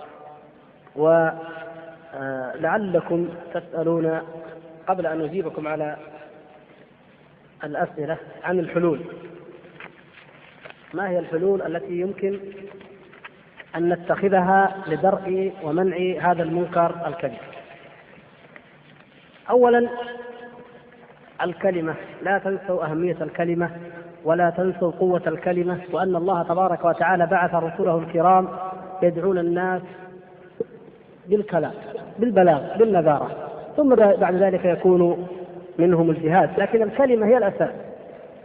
فنحن ما بين خطيب وواعظ ومدرس ومتحدث إن لم يكن كذلك فهو في عمله يستطيع أن يتحدث. فيجب على الإخوة الخطباء أن يخطبوا الجمعة بهذا الشأن وما بقي إلا تقريبا ثلاث جمع. ثم يأتي هذه تأتي هذه المواسم والأعياد الكفرية. الخطب إذا مهمة جدا والحمد لله صلاة الجمعة يحضرها عامة الناس. يعني نحن لو نظرنا إلى الحضور في هذه المحاضرة التي نسأل الله تعالى يتقبل منا ومنكم إياها ويجعلنا جميعا مجتمعين على ذكره وطاعته نحن طلاب علم في الغالب لكن الجمعة في هذا المسجد وحده يجتمع مثل هذا العدد تقريبا مثلا وغيره من جميع الناس من كل الفئات فلا بد من إقامة الحجة عليهم بهذه الأدلة وبما يفتح الله عليكم من غيرها فلا يخفاكم ذلك. إذا خطب الجمعة يكون فيها ذلك. وكذلك المواعظ التي تكون ويقوم بها الإخوة بل يجب أن نقوم بها هذه الأيام ونتجول في المساجد ونحذر الناس من ذلك. الآن وصلتنا أخبار هذه موجودة هنا أن بعض المستشفيات قد علقوا عيد سعيد وبدأوا يوزعون الكروت والأسبوع الماضي أيضا جاءتنا فإذا هم قد بدأوا يعملون ويشتغلون أهل المنكر وأهل الفساد فلا بد أن يعمل أهل الخير وأهل الإصلاح من الآن في المواعظ هذه. من ذلك أيضا نشر المحاضرات والفتاوى والأحكام المتعلقة بهذه القضية بهذا العيد. ومن ذلك آه، فتوى سماحة الشيخ الوالد محمد بن صالح العثيمين حفظه الله. هذه موجودة عند الجميع أو تستطيعون الحصول عليها. ما تعرفونها؟ موجودة. الحمد لله. في مكتبة التوعية موجودة ونرجو من الإخوان إن شاء الله أن كل مندوب حي يأخذ منها صورا ويوزع ولو عشر في كل مسجد ثم كل واحد منكم إذا أخذ نسخة أو قرأها يصور عشر أو ثمان ثمان بريال خلوا ريال إن شاء الله أنتم أكرم من ذلك بكثير. خل ريال لدرء هذا المنكر الكبير فتجد هذا الريال بإذن الله تعالى خيرا عظيما عند الله إلى 700 ضعف في ميزانك يوم القيامة. ننشر هذه الفتوى. من أراد زيادة في الفتاوى فتاوى اللجنة الدائمة للإفتاء التي يرأسها سماحة الشيخ عبد العزيز بن باز حفظه الله. آه، فتوى رقم 2540 والفتوى رقم 3326 والفتوى رقم 9254 والفتوى رقم 8848 وإن كانت موجزة لكنها صريحة وهي موجودة. من من حصل منكم على كتاب فتاوى اللجنة الذي طبع خرج مؤخرا فهي موجودة في الجزء الأول من صفحة 48 فما بعدها. تنشر وتوزع وتعلق في المساجد وهذا أحد الوسائل. من ذلك أيضا التوعية في المدارس. فالغالب أننا في حقل التعليم وكثير من الإخوة في حقل التعليم. المدارس وسيلة مهمة جدا لنشر هذا الوعي والطفل أو الطالب سوف يبلغ ذلك ويلزم ويقال له ذلك أن يبلغه أيضا لأهله ولجيرانه ولمن يستطيع. وهذا إن شاء الله في الإمكان بإذن الله تعالى. يجب أن تعلق هذه الفتاوى مترجمة في الشركات التي يكون فيها كفار. وفتوى الشيخ ابن عثيمين مترجمة موجودة. وصلت؟ جميل. هذا مترجم الحمد لله. إذا موجودة مترجمة. إذا تعلق في الشركات وفي المؤسسات. ولا يكتفى بهذا بل يعلق هذه موجودة في مكتب التوعية اللي ما عندهم بل تعلق الأوامر الأوامر الحكومية التي تمنع القيام بمثل هذه الاحتفالات.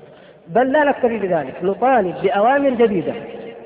نطالب المسؤولين هذه الأيام بأوامر جديدة وتترجم وتعلق وتختم في جميع الإدارات وفي جميع الشركات. وقد يكون من الحضور من هو مسؤول أو نحن يجب أن نبلغهم كل منا من طريقه أن هذا لا بد منه. ومن يعملون في هذه الشركات الواجب عليهم أكثر أن يخاطبوا المسؤولين ويكتبوا بالطرق القنوات الرسمية المعروفة ويطلبوا التعاميم السابقة إن لم تكن موجودة أو تعاميم جديدة تنهى عن هذا وتترجم بحسب لغة القوم يعني عندنا كفار والعياذ بالله من جميع الأجناس فما يقول لك أنا ألماني ولا انجليزي فرنسي ما أعرف إنجليزي تترجم ما استطعنا بحسب الشركات وتعلق على أبواب ومكان أي مكان بارز يراه هؤلاء أعداء الله تعالى أو من قد يشاركهم في ذلك من المسلمين. كذلك الصحافة وأظن موجود الآن بلا ريب الإخوة مندوبين آه، الصحف ومنهم الصحافة أو الصفحات الإسلامية فيجب أن يكتب وتكرر الكتابة في هذه الأسابيع الباقية عن هذه الأعياد الكفرية وتبين هذه الأحكام بالتفصيل فيقرأها قطاع كبير من الناس بإذن الله تعالى. كذلك يجب أن يعلن في الإذاعة. كذلك يجب أن يعلن في التلفاز بأي وسيلة ممكنة من العلماء و غيرهم بل يجب أن ننبه علماءنا الكرام إلى أن يجددوا فتاواهم وأن يجددوا التحذير وأن يكتبوا أيضا لمن يهمه الأمر بهذا الشأن في بزيادة التجديد لأنهم كما تعلمون علماءنا أثابهم الله في كل رمضان يعلموننا أحكام الصيام في كل آه، حج يعلموننا أحكام الحج وبدع الحج أو بدع الصيام والصلاة هكذا يعني كل شيء في وقته. فوقت هذه المواسم التي يحتفل فيها الكفار أيضا ينبغي أن نجدد آه، البلاغ والإنذار والتحذير لهؤلاء ونذكر المسلمين بها حتى لا يؤخذوا لا يؤخذوا على غرة.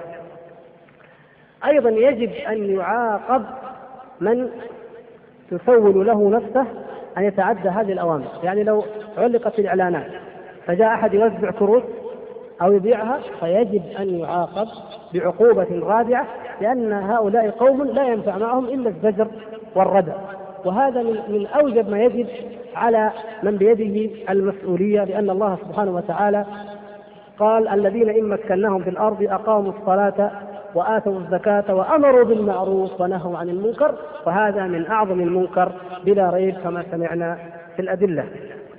كذلك يجب على الرقابة الإعلامية أن تسحب كل الكروت والبطاقات بطاقات التهاني من المكتبات وأن تتلف وتحرق ويؤخذ عليهم التعهد الشديد بعدم بيعها. مرة أخرى كما يجب على إدارة الجمارك أو أي جهة مسؤولة في موانئ المملكة البرية والبحرية ألا تسمح بدخول هذه البطاقات والكروت مرة أخرى.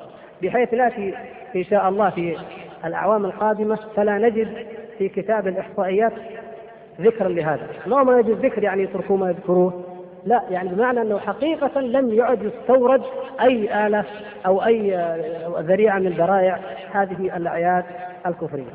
أمر آخر لا بد منه أن يعمم على على السفارات وعلى القنصليات والبعثات والهيئات التي آه، تظن أنها في حصانة وليس لأحد حصانه أن يعصي الله تبارك وتعالى ويرتكب ما حرم الله. يعمم عليها ويطلب منها أن تعمم على أفرادها. مثل ما يعمم عنهم موضوع اللباس والمطاوعة وينتبهوا لهم إلى آخره هذا أهم. وأولى وأوجب أن يعمموا ويقول لهم لا تجاهروا. هذا مخالف وهو لا شك يا إخوان أن إقامتها أن إقامتهم لعيدهم لأعيادهم علانية. ومشاركة المسلمين فيها ورفعهم للصلبان وما يتعلق بهذا هي أشد حرمة من الاختلاط أو من التبرج لأن ذلك يتعلق بالعقيدة. فهذا أمر خطير. ونحن نحارب الكل كل الكبائر وكل المنكرات لكن مجرد أنه يمشي في السوق أو تمشي في السوق وشعرها مكشوف أشد منه أنها تكون في حفل عيد ميلاد ويجتمع عندهم عندهم المسلمون مع ما قد يصحب ذلك وهذا معروف عندهم أنه الخمر والرقص يعني الزمر والزنا والفواحش كلها لا يبالون بها. وحسبكم أنهم يجتمعون لشعيرة من شعائر دينهم وأنهم يشربون الخمر. فماذا ماذا تتوقع من كافر يشرب الخمر؟ ويخالطه من يخالطه من المسلمين؟ توقع بعد ذلك كل موبقة. نسأل الله العفو والعافية. هذه بعض الحلول ولا شك أن الإخوان الكرام لا يفوتهم آه، أن غيرها وإنما هذا تنبيه على البعض. انظروا مثلا هذا. هذا الكتاب كتاب آه، تنصيري يوزع يوزع في مستشفى الملك عبد العزيز بحي المحدث كما ذكر الأخ. وترجمة ما فيه من كلام من جملة ما يقول. نعم. مستشفى الملك عبد العزيز حي المحجر مكتوب آه. يباع يعني ما هي نسخة واحدة يباع. سبحان الله. هذه مشكلة. يعني إذا سلعة عادية يباع بريالين. طيب. مكتوب فيه كلمتك يا عيسى هي المصباح على قدمي ونور يضيء لي دربي. هذا اليوم الذي صنعه الله اليوم الذي نكون فيه سعداء. فلنمجد الله. والى آخره. الله راعينا الله كذا ويعنون بالله والرب هنا من؟ المسيح عليه السلام. وقبحهم الله وقاتلهم ولعنهم.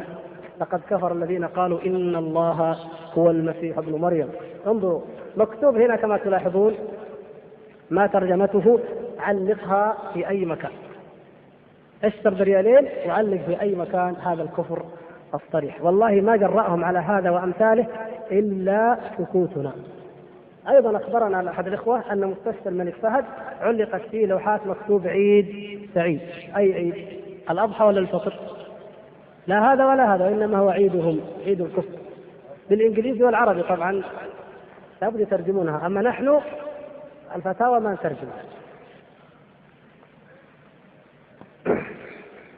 هذا موضوع قد يكون خارجا عن عن موضوع المحاضرة لكنه آه، مهم مع وجود هؤلاء الإخوة الكرام. في جريدة الجزيرة كتب الأستاذ فهد بن إبراهيم بن عبد العزيز آل إبراهيم آه، يوم الثلاثاء اليوم يعني ها؟ موضوع آه، الحسبة في الإسلام. وهذا الكلام جدير بأن يشكر صاحبه عليه. فمن استطاع منكم أثابكم الله فليشكر لهذا الكاتب. ونحن في الحقيقة باسمكم جميعا نشكر له ذلك ونسأل الله سبحانه وتعالى أن يبارك فيه وفي أمثاله ممن يدافعون عن الأمر بالمعروف والنهي عن المنكر ونرجو الله أن يكثر هؤلاء الأخيار آه، في صحافتنا وفي كل وسائل إعلامنا وكما أننا نذكر أهل المنكر ونرى دينا علينا ودينا أنه لا بد أن نذكرهم ليعرفوا وينزجر الناس عنهم فكذلك من الدين علينا ومن الدين أن نحب من يأمر بالمعروف ومن ينشره ومن ينتصر لدين الله تبارك وتعالى. ومنهم هذا الأخ الكاتب فادعوا له جميعا ومن استطاع منكم أن يشكر له فليفعل. نعم. آه هذا سؤال فقط أقرأه يقول أحد الإخوان فيه لماذا لا تسحب هذه المطبوعات؟ وقد أريتكم آه عشرة نماذج تقريبا منها. لماذا لا تسحب هذه المطبوعات؟ وهم يستطيعون أن يسحبوها كما استطاعوا أن يسحبوا جريدة المسلمون في يوم وليلة عندما نشرت توبة المفحصين. أنا أقرأ ذلك طيب.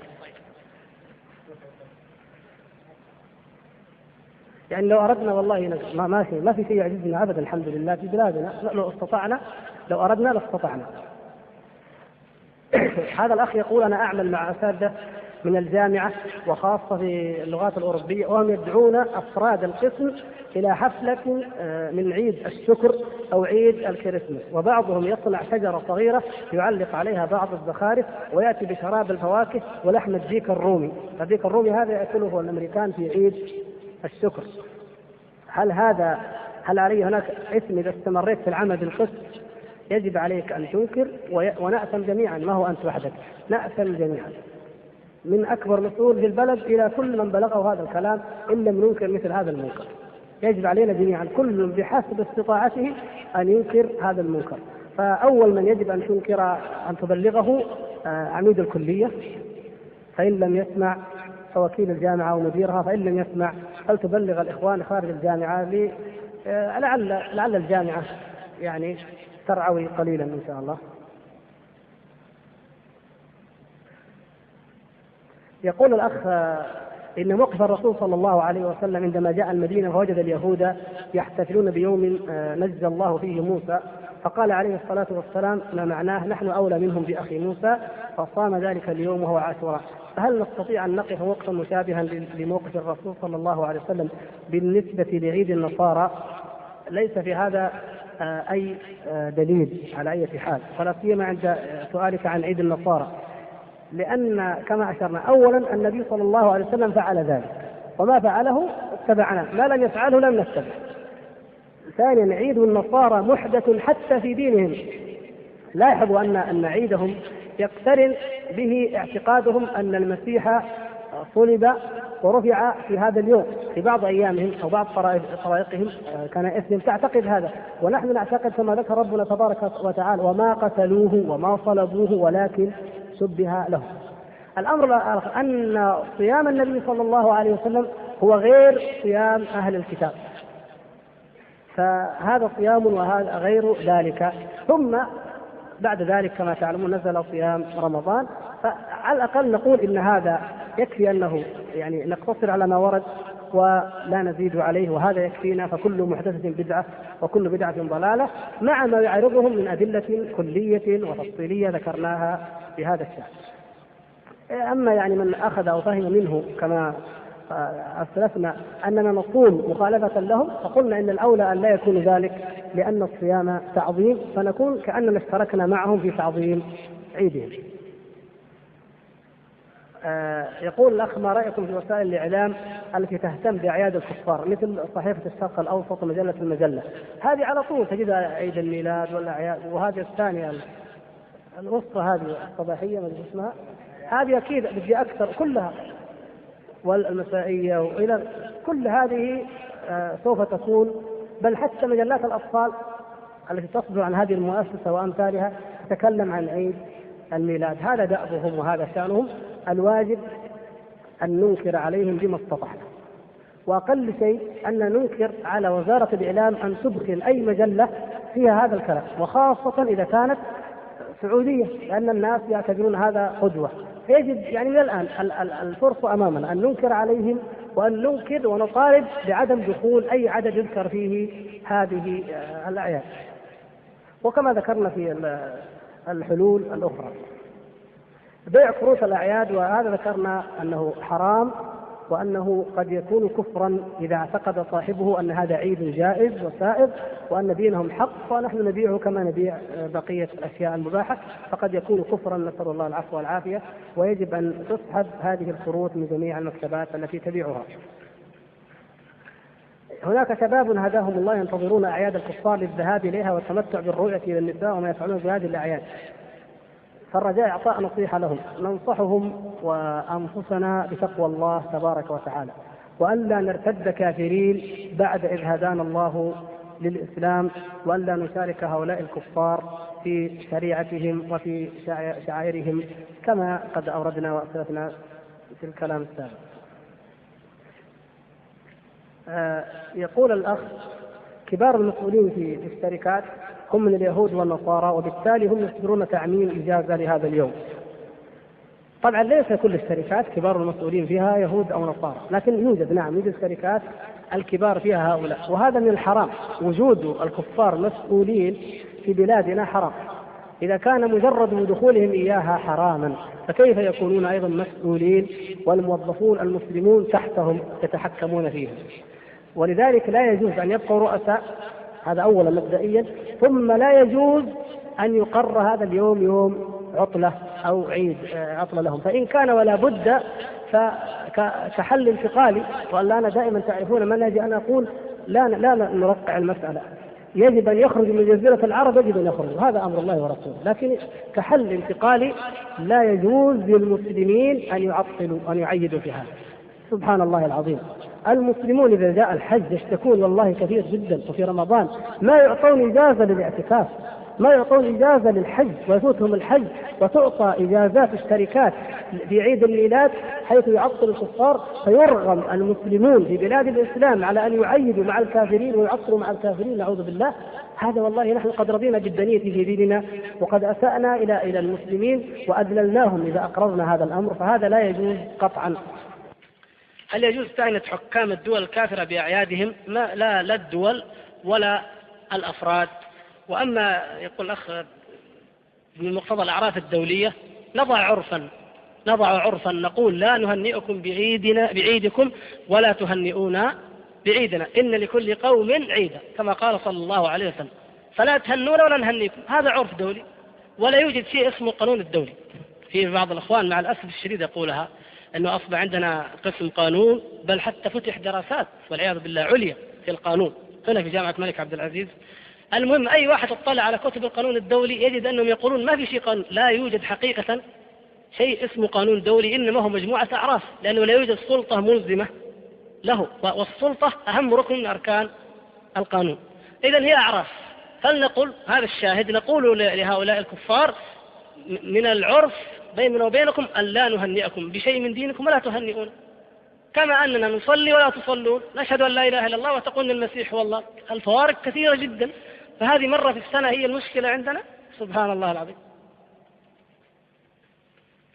يقول الأخ أنا أعمل مسؤولا. أولا قال أحبكم في الله أحبك الله يا أخي. ونسأل الله أن يحبنا جميعا يجمعنا على محبته. أنا أعمل مسؤول في شركة من الشركات السعودية ولدي عمال آه، فلبينيين يمكن من أهل الكتاب. ويوم العيد يطلبون إجازة طارئة من إجازاتهم الخاصة بهم. فأفيدوني هل أوافق على إجازاتهم وهي من حقوقهم حسب الأنظمة أم أمنعها؟ لا يجوز أن يعطوا إجازة. لكن إذا كان نظام العمل والعمال كما يسمى وهو بلا شك مستمد من مكتب العمل الدولي في جنيف كما هو مذكور فيه فهو قانون وضعي إذا كان هذا يجوز لهم ذلك فتقع فتنة ومشكلة بينك وبين مكتب العمل فالحل أن تكتب إلى مكتب العمل والعمال ويكتب إخوة آخرون ونكتب نحن كلنا ونقول يجب أن ينص في نظام العمل والعمال على الالتزام بما بدين هذه البلاد. فكما أننا كما أنهم يعطلون الخميس والجمعة فكذلك أيضا لا يعطون عطلة آه، للأعياد إلا مع المسلمين في عيد الفطر والأضحى. يعني لاحظوا يا إخوان إذا ما تعاقدنا مع أي كافر ولم نستخدمه ارتحنا من مشاكل كثيرة جدا. ارتحنا راحة مطلقة. وهكذا دائما الحل الشرعي يكون حاسما. الحلول الترقيعية دائما تجلب مشاكل. يأتون بخمرهم وزناهم وصلبانهم وأعيادهم ومخدراتهم وجرائمهم كل شيء يأتون به. فإذا منعنا هذا الباب انتهينا. المسلمون لا يجوز أن, أن, أن, أن نتعاقد أو نتعامل إلا مع المتقي وهم كثير والحمد لله. كثير في العالم الإسلامي من أهل السنة وعقائدهم طيبة وفيهم فضل وخير وصلاح ما يجوز أن نتعاقد معهم للعمل. فهؤلاء إذا كان مسلما فاسقا يبيع الخمر أو المخدرات لا يجوز أن يدخل هذه البلاد يتعاقد معه. فكيف إذا كان كافرا من أصله نعوذ بالله. بعض الأخوان يقول أليس من المصالح المرسلة أن نسمح لهم بأن يحتفلوا بأعيادهم؟ هذه مفاسد مؤكدة يا شيخ. ما هي مصالح بارك الله. ولا مصلحة مقابل النص. يقول الأخ وأين الديمقراطية في الإسلام؟ لا مكان لها في الإسلام أبدا. يوجد برضو كثير من هذا النوع. الجامعة بالذات قلنا لكم يوم الأحد الأمر قد نفذ خرج حقيقة عن حدود الاحتمال ولا بد من اتخاذ إجراءات عملية يقوم بها أولياء الأمور. ما المسألة ليست نصيحة توجه من ها هنا من ميكروفون ولا ندري تصل أو لا تصل أنتم أولياء الأمور يجب عليكم أن تنتبهوا لأبنائكم وبناتكم في هذه الجامعة. ومن ذلك أن المدرس كافر في مركز اللغة الإنجليزية يتكلم العربية أحيانا يستهزئ بالشباب المتدين يستهزئ بالإسلام وباللغة العربية ويدعو الشباب إلى التعلق بالغرب ويأخذهم معه إلى رحلات ويأتي بزوجته ويعرفهم عليها. آه، ما وإلى آخره. يوجد, لدينا جيران من أهل الكتاب يبعثون لنا أحيانا عند احتفال بعيد الميلاد بعض الأكل. هل يجوز لنا أن نأكل منه شيء؟ علما أن لا نشاركهم في أي عمل أم ينبغي أن نعيده إليهم؟ لا. يجب أن ننكر عليهم هذا أصلا. هذا منكر. يجب أن ننكر عليهم أن يظهروا وأن يعلنوا بهذا العيد. فهذا في طبيعي إذا أن لا نقبل ذلك منهم ولا نأكله. آه نسأل الله سبحانه وتعالى في الختام أن يتقبل منا ومنكم وأن يجعل أعمال أعمالنا خالصة لوجه الكريم وأن يجعلنا ممن يتبعون القول بالعمل. إنه سميع مجيب ونعتذر عن الأسئلة الكثيرة الأخرى. وصلى الله وسلم وبارك على عبده ورسوله محمد.